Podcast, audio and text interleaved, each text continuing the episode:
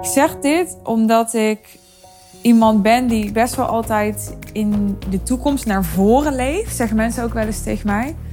Dus ik ben gewoon best wel doelgericht. En ik, ik ben ook echt een visionair. Dus ik, ik, ja, dat is eigenlijk wat visie ook zegt. Het is een soort blik.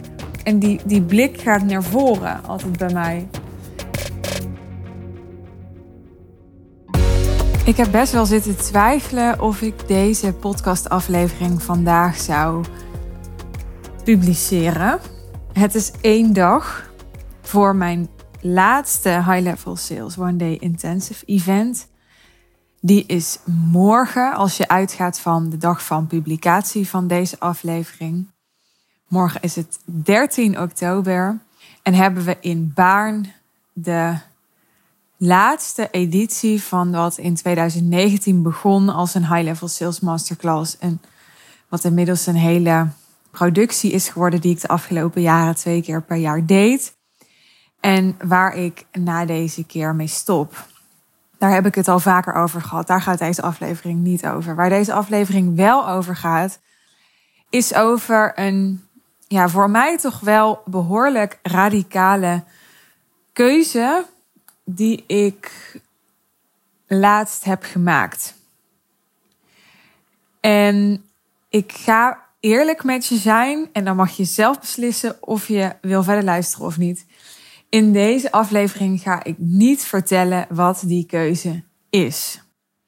Want ik ga daar morgen wat over delen op de High Level Sales One Intensive. Ik heb besloten om, um, om de mensen die, uh, ja, die ervoor gekozen hebben om te investeren in die dag, de primeur te geven. Daar komt het op neer. Zonder dat ik het allemaal heel erg wil hypen of wil opblazen. En toch hoef ik het ook niet kleiner te maken dan het is. Want ja, het is voor mij best wel een spannende, doch kloppende beslissing.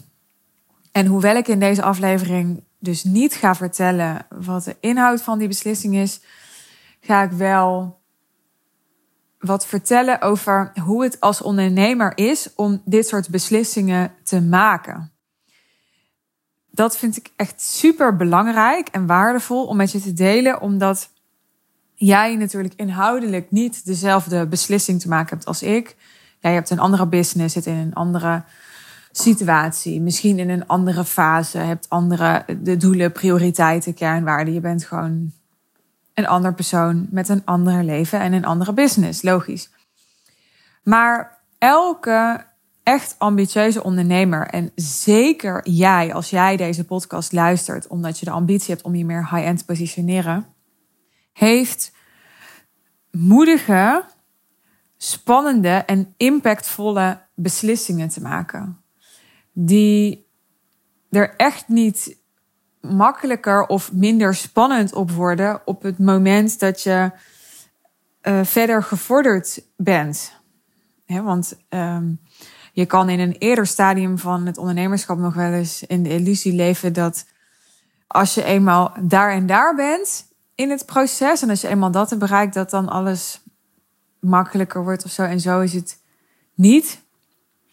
Ik zou wel iedereen willen stimuleren om daar te komen waar je heen wil, want het is het absoluut waard voor mij.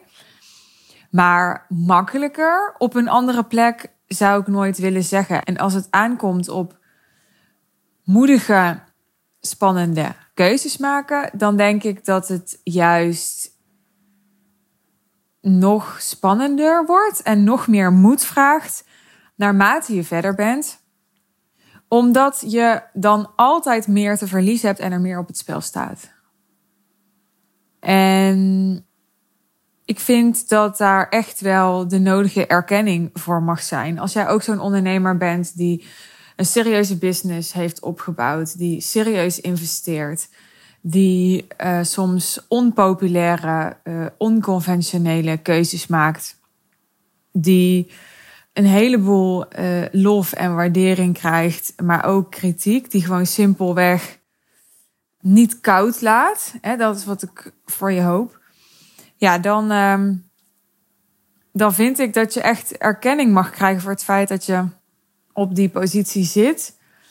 En dat je daar best wel je in je hemd kan voelen. Hè? Dat je best wel de wind kan voelen die er waait op die plek.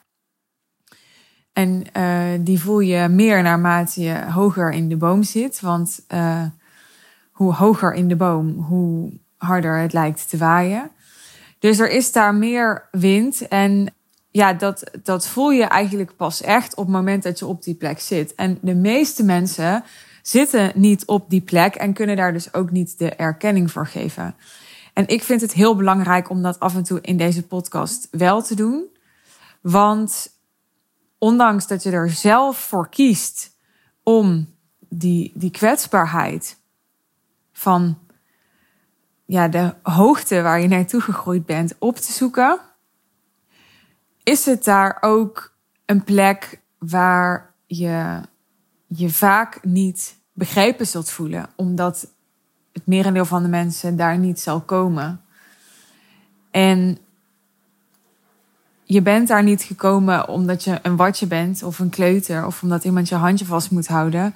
Maar dat neemt niet weg dat juist jij ook een uh, plek nodig hebt en een, een persoon nodig hebt en begeleiding nodig hebt die jou sterkt en die jou ziet en die jou erkent dus. En, en dat is heel graag iets wat ik wil betekenen voor ondernemers, want die voel ik echt vanuit mijn tenen.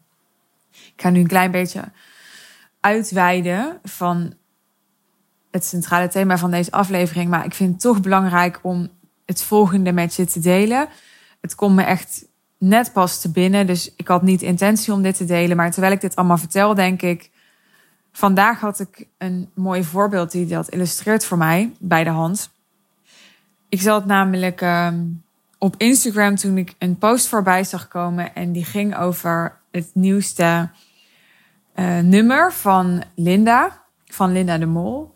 En over haar editorial dacht ik, in ieder geval over een verhaal in dat blad van zeven pagina's dat zij heeft geschreven. Over alles wat er, ik geloof dat het begin dit jaar was, januari of zo. Uh, misschien al langer, ik weet het niet exact. Uh, speelde rondom haar en haar ex-partner Jeroen Rietbergen en die hele voice gate en nou, alles wat haar toen verweten werd. En het was een heel kritische post over waarom die zeven pagina's niet zo geschreven hadden moeten worden, waarom die insteek niet respectvol genoeg was, wat er aan, aan psychologische technieken was toegepast om mensen op een verkeerde, dus aanhalingstekens, manier te beïnvloeden. Daar ging die post over. En ik vind zelf dat, dat het helemaal niet aan mij is om een mening te hebben over wat er inhoudelijk rondom die, die gate met Linda is gebeurd. Daar, daar heb ik ook niet een mening over. Ik ken de details niet. Ik, ik vind het onzin en totaal niet aan mij om daarover te speculeren. Maar waar ik wel ja, me echt toe geroepen voelde om niet alleen iets van te vinden, maar ik heb er ook een comment onder geplaatst, is ja, de insteek van die post. Die dus vol zat met kritiek op de insteek van die editorial van Linda. En dat had er vooral mee te maken dat ik echt dacht: ja, what the fuck? Je zou toch het tijdschrift van je buurvrouw ook niet. Daar zou je toch ook niet specifiek een post aan wijden om even haar fijn uit te leggen waarom die niet goed in elkaar zit. En dan is het Linda de Mol en dan verkoopt ze, ik weet niet hoeveel edities en dan staat ze uh, mijlenver van ons af. Juist omdat ze zo gigantisch veel bereikt heeft en dus niet meer zo benaderbaar is. En dan is het dus opeens toegestaan om zo op de man af met alleen dit voorbeeld. Dus niet een algemeen verhaal, maar het ging echt specifiek over alleen dit blad. Deze editie van dat blad, met ook een foto van dat blad erbij. Um, om die zo, uh, nou ja, afkraken vind ik een heel groot woord. Maar om daar zo uh, kritisch op te zijn. Kijk, ik ben absoluut niet tegen kritisch zijn. Ik denk dat dat heel belangrijk is. Ik denk ook dat het een kenmerk is van, van intelligente mensen, van bewuste mensen. Dat ze kritisch zijn, dat ze autonoom zijn. Ik ben zelf ook een een kritische klant, een kritische uh, consument, een kritische denker. Maar dit is niet, ja, dit is helemaal niet constructief voor mij. Zo'n aanpak. En nu wil ik niet degene zijn die weer specifiek die post helemaal afkraakt. Want dan doe ik als het ware hetzelfde. Maar ik wil wel aangeven dat, dat het mij enorm raakt. Dat, het, dat er zo makkelijk ja, op de, de man af of op het bedrijf af. Um, of op het merk af kritiek wordt geuit als het gaat om een persoon of een merk of een bedrijf die um, heel groot of heel invloedrijk of heel populair of, of heel bekend is. Want ja, het lijkt alsof er dan andere normen en waarden gelden en dan opeens is toegestaan om ja, in dermate kritisch te zijn dat dat totaal onvergelijkbaar is, die mate met hoe je kritisch zou zijn op iemand die veel dichterbij je staat, volgens mij. Er zullen vast ook mensen zijn die zo kritisch zijn tegen mensen die dichtbij hen staan. Maar ik dacht, ja, dit zou je ook niet doen bij een collega-ondernemer waar je je een gelijke mee voelt. Maar op het moment dat iemand dus heel hoog in de boom zit, dan denken we ook dat ja, dat we diegene maar mogen raken. Misschien omdat we ergens geloven dat we diegene niet kunnen raken, want die zit heel hoog in de boom. En ja, dat is natuurlijk onzin. Weet je wel? Linda de Mol is ook gewoon een mens. En die heeft misschien heel veel geld en heel veel macht en heel veel invloed. Maar who cares? Weet je, in, in essentie zijn wij mensen allemaal gelijk. Zijn wij allemaal mensen met een, een ego en emoties en tegenslagen en op ons eigen niveau problemen. En ja, daar vind ik dat, um, dat er te veel empathie soms is voor uh, mensen die weggezet worden als een slachtoffer. En uh, juist te weinig empathie is voor mensen die, die weggezet worden als um, machtig. En ja, daarmee ook onverantwoordelijk. Want als je heel machtig bent, dan ga je altijd wel ergens een steekje laten vallen in je verantwoordelijkheid waarschijnlijk. En om dan daar iemand direct op te pakken. Dat, um, dat toont mij vooral dat je geen idee hebt hoe het is om op zo'n plek te zitten. Dat je daar niet echt bij kan. Je niet echt mee kan identificeren. Wat op zich logisch is. Maar wat wel maakt dat ik me geroepen voel om juist die mensen te sterken. Omdat het onzin is om te denken dat als iemand uh, veel geld heeft en veel macht heeft en veel invloed heeft en veel whatever heeft, dat hij dat dan niet meer nodig heeft. Weet je wel? Dat hij dan het niet meer nodig heeft om gewoon um, erkend te worden als mens en als ondernemer en als invloedrijk persoon in, in zijn of haar, ik zou willen zeggen, met name goede intenties. Nou, dat is dus ook waarom ik deze podcastaflevering maak, omdat ik echt iemand ben die met liefde dus de barricades opgaat voor de erkenning aan de positie die mensen hebben op het moment dat ze in het licht staan, in de arena staan. En er daarmee ontzettend op hen gelet wordt. Er heel veel mensen zijn die een mening hebben over wat ze zeggen, hoe ze bewegen en welke acties ze nemen.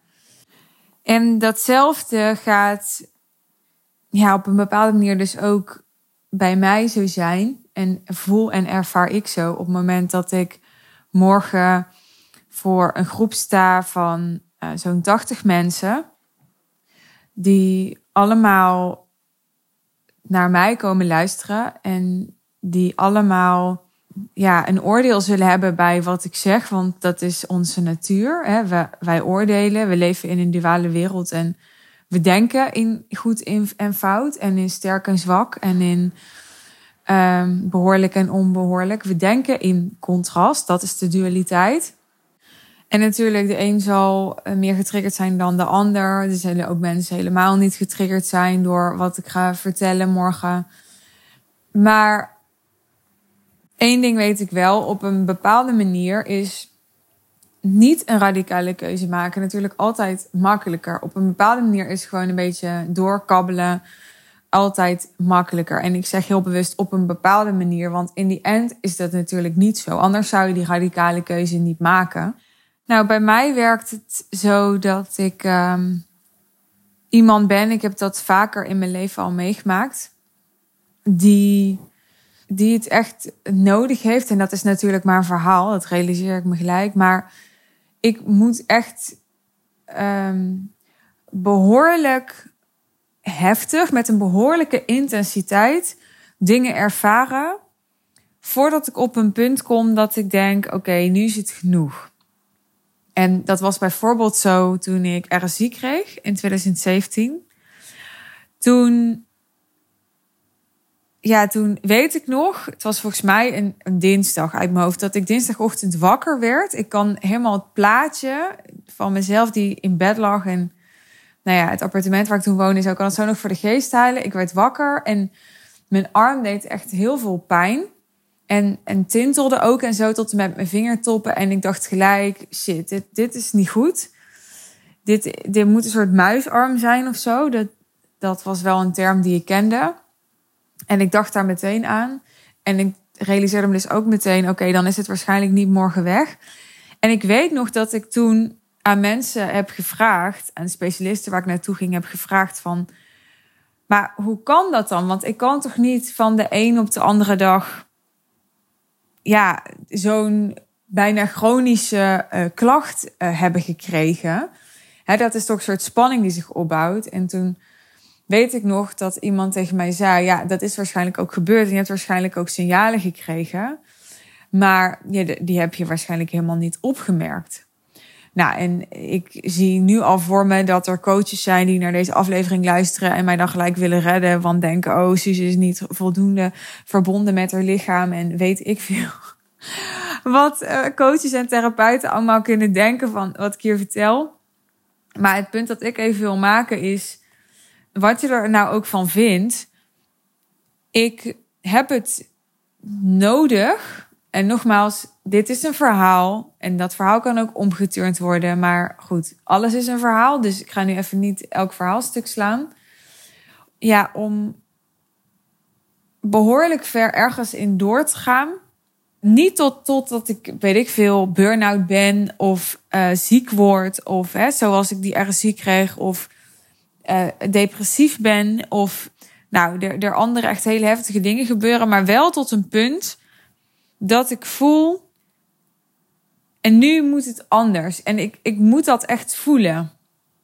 En ik vind dat best wel lastig om te delen in mijn podcast, omdat als een klant dat zou zeggen van, hey, dat is wat, wat mijn klanten heel vaak zeggen. Ik heb heel veel vrouwen als klant en heel veel coaches als klant. En het zijn best wel vaak gevoelige, empathische types. Die ook empathie hebben voor zichzelf. En die dus ook vaak dingen zeggen als ja, ik voel hem wel of ik voel hem niet. Of ik ga hier even op zitten voelen of dat soort dingen. En ik heb daar respect voor hoor. Ik, ik wil het absoluut niet belachelijk maken. Sterker nog, ik zou dat soort dingen zelf dus ook kunnen zeggen, want ik, ik ken dat.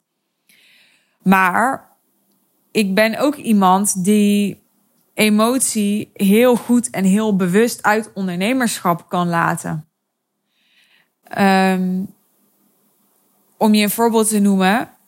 Ik weet dat uh, als ik um, nu een, een succesvolle high-level sales intensive zou hebben. Met heel veel aandacht ervoor op social media. En met hele goede klanten eruit en dat soort dingen. Dat, dat het gelijk voelt voor mij als mens en voor mij als ondernemer alsof ik iets fantastisch succesvols heb gedaan. Want ik zie allemaal dingen die ik ermee beoogd had en, en die dan ook lukken. En nou ja, dan, dan trek je heel makkelijk de conclusie of dan krijg je heel snel het gevoel. Wat goed dat ik dit gedaan heb.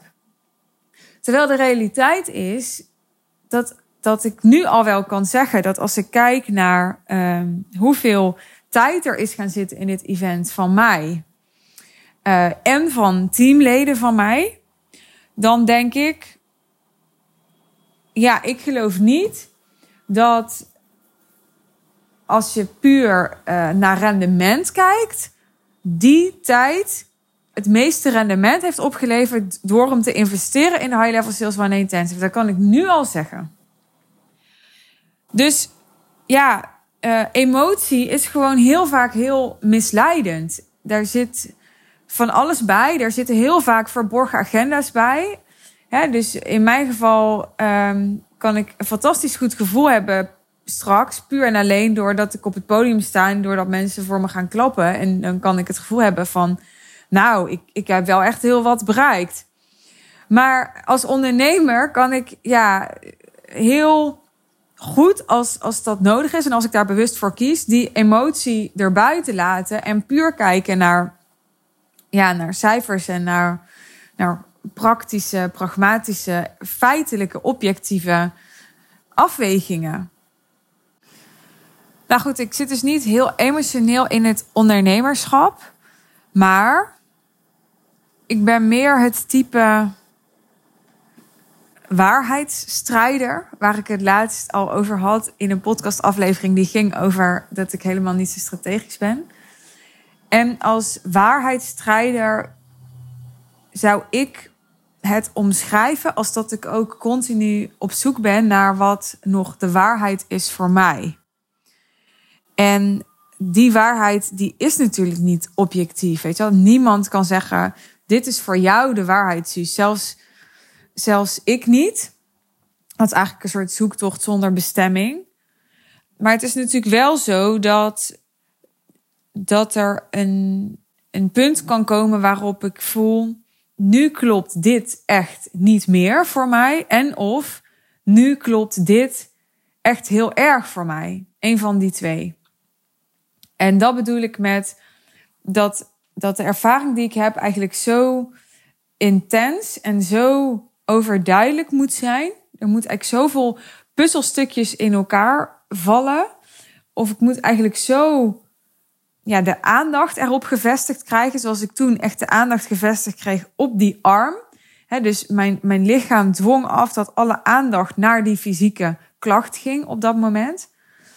En dan kan ik zien, oké, ik ben nu in ieder geval te ver van het midden af voor dit moment. Want op een ander moment zou de plek waar ik op dat moment ben misschien wel weer op midden zijn. Daarom zeg ik ook al, het is een continue reis. Hè? Zoeken naar je eigen waarheid, want je verandert continu en je ontwikkelt je continu. Dus dat, dat blijft altijd een reis zonder bestemming. Maar je kan wel voelen, oh, op die reis ben ik nu al heel ver van het pad af. Ik moet weer even terug naar dat pad. En uh, nou ja, dat, dat pad dat heeft uh, dus later wellicht een heel andere route en een heel andere ondergrond dan dat het op dit moment heeft. Maar op dit moment kan ik dan voelen: oké, ik ben voor nu te ver van mijn pad af. En dat vind ik eigenlijk ook al een te groot oordeel. Want daarmee zou ik dan suggereren dat ik nu te ver van mijn pad af ben. En zo voel ik dat niet. En dat, dat meen ik oprecht. Dus ik zeg dit niet om een soort politiek, ja, politiek correct te zijn. En mensen ja, het gevoel te geven van, ja, maar het is allemaal echt wel goed met mij hoor. En, en, en alles klopt echt wel hoor. En nee. Maar um, ik zeg dit omdat ik iemand ben die best wel altijd in de toekomst naar voren leeft. Zeggen mensen ook wel eens tegen mij. Dus ik ben gewoon best wel doelgericht. En ik, ik ben ook echt een visionair. Dus ik, ik, ja, dat is eigenlijk wat visie ook zegt. Het is een soort blik. En die, die blik gaat naar voren altijd bij mij. En er is niet zozeer een situatie waarbij wat er nu is helemaal niet klopt of zo. Zeker niet. Zeker niet. Sterker nog, ik zou eigenlijk willen zeggen het tegenovergestelde. Want ik heb er heel lang naartoe gewerkt om precies op dit punt te komen. En het klopt dus juist heel erg voor mij dat ik hier nu ben. En als ik vooruit kijk, dan heb ik een periode achter de rug. Dat heb je ook wel in wat podcasts kunnen luisteren. Dat ik het, het perspectief, het plaatje vanaf hier niet helemaal meer zag. Of soms simpelweg helemaal niet. Dus dat ik niet zozeer zag, oké, en als ik dit dan nog drie jaar doe, waar ben ik dan? Ben ik dan op dezelfde plek, maar dan keer drie? Of hè? Ik had heel erg het gevoel, oké, als ik gewoon door blijf gaan, dan krijg ik dus een soort van meer van hetzelfde. En dat zag ik gewoon niet voor me. Dat was gewoon niet iets waarmee ik kon verbinden. Da daar kwam ik op het punt van, nou, dat, dat voelt niet als iets wat voor mij klopt op dit moment. Met mijn verlangen. En nou, dat betekende dat ik ja, maanden achter de rug heb. Dat kon je ook horen in de podcastaflevering waarin ik mijn plannen voor mijn business in de komende twee jaar deelde. Dat ik dus maanden achter de rug heb waarin ik eigenlijk helemaal niet op een bewust niveau heel erg aan het denken of aan het praten ben geweest over ja, hoe ik dan inderdaad wil dat die komende twee jaar eruit zien, maar ook waar ik dan precies over twee jaar wil staan. Maar dat ik wel op onbewust niveau, als ik terugkijk op die periode, eigenlijk continu um, ja, kleine beetjes informatie heb verzameld. Van gesprekken met allerlei mensen die ik heb gehad. Van ervaringen die ik heb gehad. Van um, ja, gedachten die ik heb gehad. Van emoties die ik heb gehad. Het waren allemaal kleine puzzelstukjes die op onbewust niveau ja, langzaam steeds meer in elkaar vielen. Totdat ik laatst dacht: oké, ik, ik geloof niet dat er zo'n soort moment is dat, dat de puzzel 100% klopt. En dat je denkt: nou, I have arrived. En, ja, ik geloof niet zo in, um, in dat soort ideale momenten. Ik ben heel erg van move before you're ready. Maar ik kon wel voelen, oké, misschien dat nog niet elk puzzelstukje ligt. Maar ook zonder die laatste vijf van de honderd kan ik nu wel zien welke afbeelding er op de puzzel staat, heel duidelijk. En dan kan ik daar dus ook naar gaan handelen. Dus uh, ja, er was laatst echt een moment dat ik voelde, oké, dit is de keuze die ik te maken heb. En daar heb ik toen nog even nacht over geslapen. Ik heb toen in eerste instantie uh, drie mensen die ik heel hoog heb zitten, waaronder mijn eigen coaches. Ja, als eerste in vertrouwen genomen om, om het aan voor te leggen. Dat is dan ook een heel spannend moment. Je, je voelt dan iets, je ziet dan iets. En dan, ja, dan leg je dat voor aan iemand waarvan je weet, ja, wat jij ook gaat zeggen, ik ga dat heel serieus nemen. Dus over kwetsbaarheid gesproken, dat voelt dan heel kwetsbaar. Dat hebben mijn klanten ook bij mij, vermoed ik. Dus dat had ik ook. Maar daar kwam zo'n unaniem geluid uit dat ik dat dat me alleen maar meer bekrachtigde in oké, dan, uh, dan is dit dus de kant die het opgaat. En dat vind ik echt spannend. Want ja, ik. Uh, ik ben, als je echt een trouwe uh, luisteraar bent en me dus al wat beter kent, best wel een um, gewoontedier ook. Dus ik ben helemaal niet iemand qua persoonlijkheid die bang is voor sleur. Hoewel ik ook moet zeggen, never a dull moment in my life. Dus ik heb nooit sleur, dus ik mag eigenlijk niks zeggen over sleur. Maar goed. Maar ik ben er ook helemaal niet bang voor, want ik houd juist van ritme en van consistentie en van structuur. Ik houd er juist van dat ik gewoon met mezelf de afspraak heb. Ik maak drie keer per week een podcast, punt. Ik houd juist van dat ik ja, gewoon weet, oké, de real deal is mijn business traject. En um, ja, dat, daar heb ik me gewoon aan gecommitteerd en that's it. En dat is al jaren zo.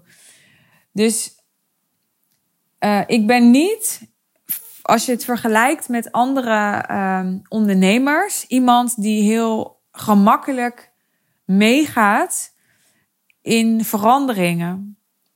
Uh, je hebt ook mensen en die hebben eigenlijk continu heel veel verandering nodig om uh, nog een beetje ja, zichzelf bij de les te kunnen houden. Of zich, uh, zich blij te voelen.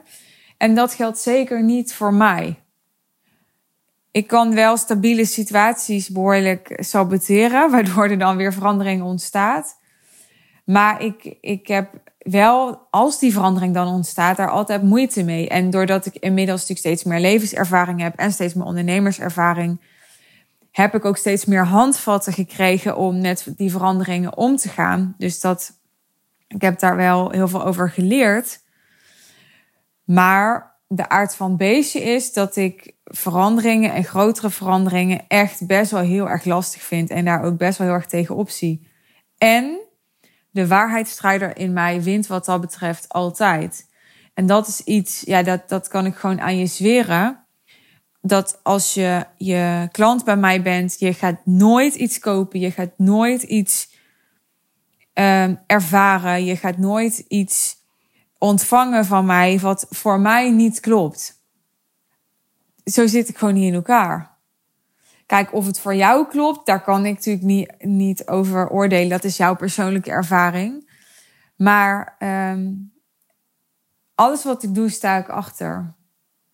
Dus je kan erop vertrouwen, als het niet meer klopt, dan, dan handel ik daarnaar, omdat ik gewoon niet anders kan. Ik zou gewoon niet, niet weten hoe, hoe te gedijen in iets wat, wat echt niet meer klopt. Wat niet wil zeggen dat ik dus natuurlijk wel door periodes ga, dat ik voel, er komt een soort verandering aan. Ik voel een soort itchiness, een soort onrust. Natuurlijk, die periodes heb ik wel, maar dat is iets anders dan dat ik dus maandenlang of, of jarenlang of van mijn part wekenlang in een situatie zit die voor mij niet klopt. Dan zit ik in een situatie of in een fase waarbij ik voel, er zit iets aan te komen. Dat is wat ik in dit geval ook al een tijd voelde. Maar dat wil niet zeggen dat als ik dan dus in de tussentijd gewoon doorga waar ik mee bezig was, dat dat dan niet meer ja, zuiver of congruent of oprecht is of zo. Helemaal niet. Dat is dan juist heel oprecht, want ik ben gecommitteerd aan iets. Ik ben gecommitteerd aan het pad dat ik bewandel en het doel dat ik heb gesteld en de, de keuzes die ik heb gemaakt. Totdat ik heel duidelijk voor een andere keuze kies. Dus er is daarin altijd voor mij een, een zuiverheid. Nou, dat was wat ik uh, voor nu met je wilde delen.